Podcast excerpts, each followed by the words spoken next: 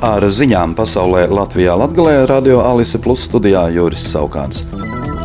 Ukrainas prezidents Volodimirs Zelenskis paziņojis, ka armijai nepieciešams vairāk laika, lai sagatavotos pretuzbrukumam Krievu okupantiem.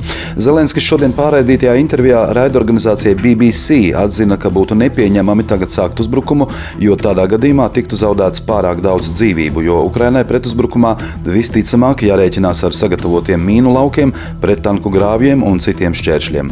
Lielbritānijas militārā izlūkdienesta jaunākajā ziņojumā savukārt teikts, ka Krievijas aizsardzības ministrija aprīlī aprīlī varētu būt savervējusi karam Ukrainā līdz 10 tūkstošiem ieslodzīto.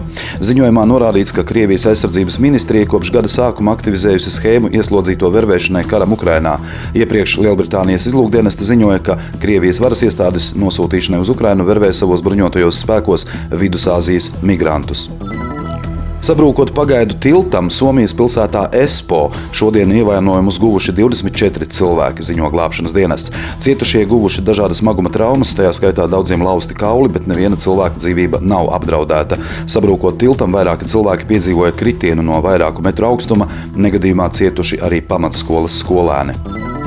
Polijas premjerministrs Mateusz Moraveckis ierosinājis atjaunot nāves sodu par sevišķi smagiem noziegumiem.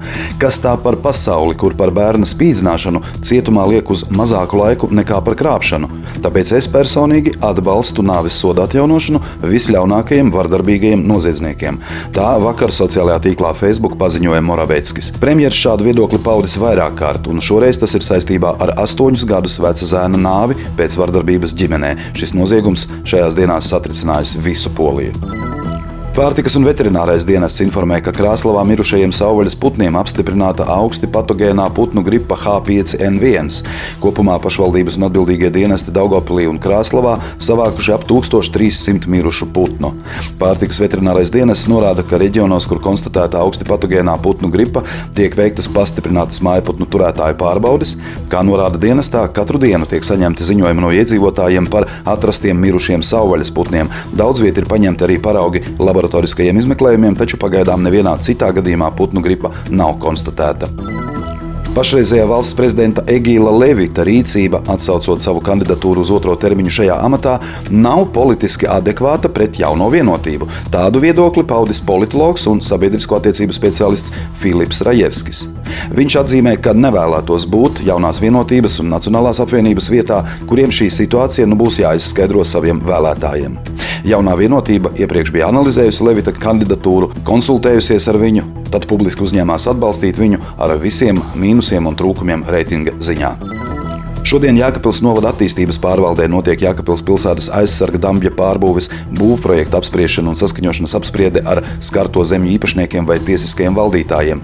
Apspriedē varēs iepazīties ar būvniecības ieceres dokumentāciju, tajā skaitā vizuālo risinājumu un aprakstu par iecerētās būvniecības tehnoloģisko risinājumu, kā arī uzdot sev interesējošos jautājumus projektētāju pārstāvim un pašvaldības amatpersonām.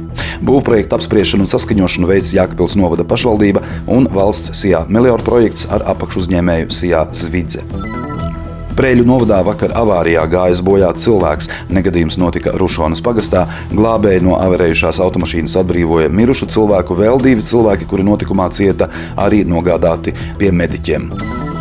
Ar ziņām studijā bija Juris Saukāns. Ziņu izlaidums veidots projekta Ziņas bez robežām pasaulē Latvijā Latgalē ietvaros ar Sabiedrības integrācijas fonda atbalstu.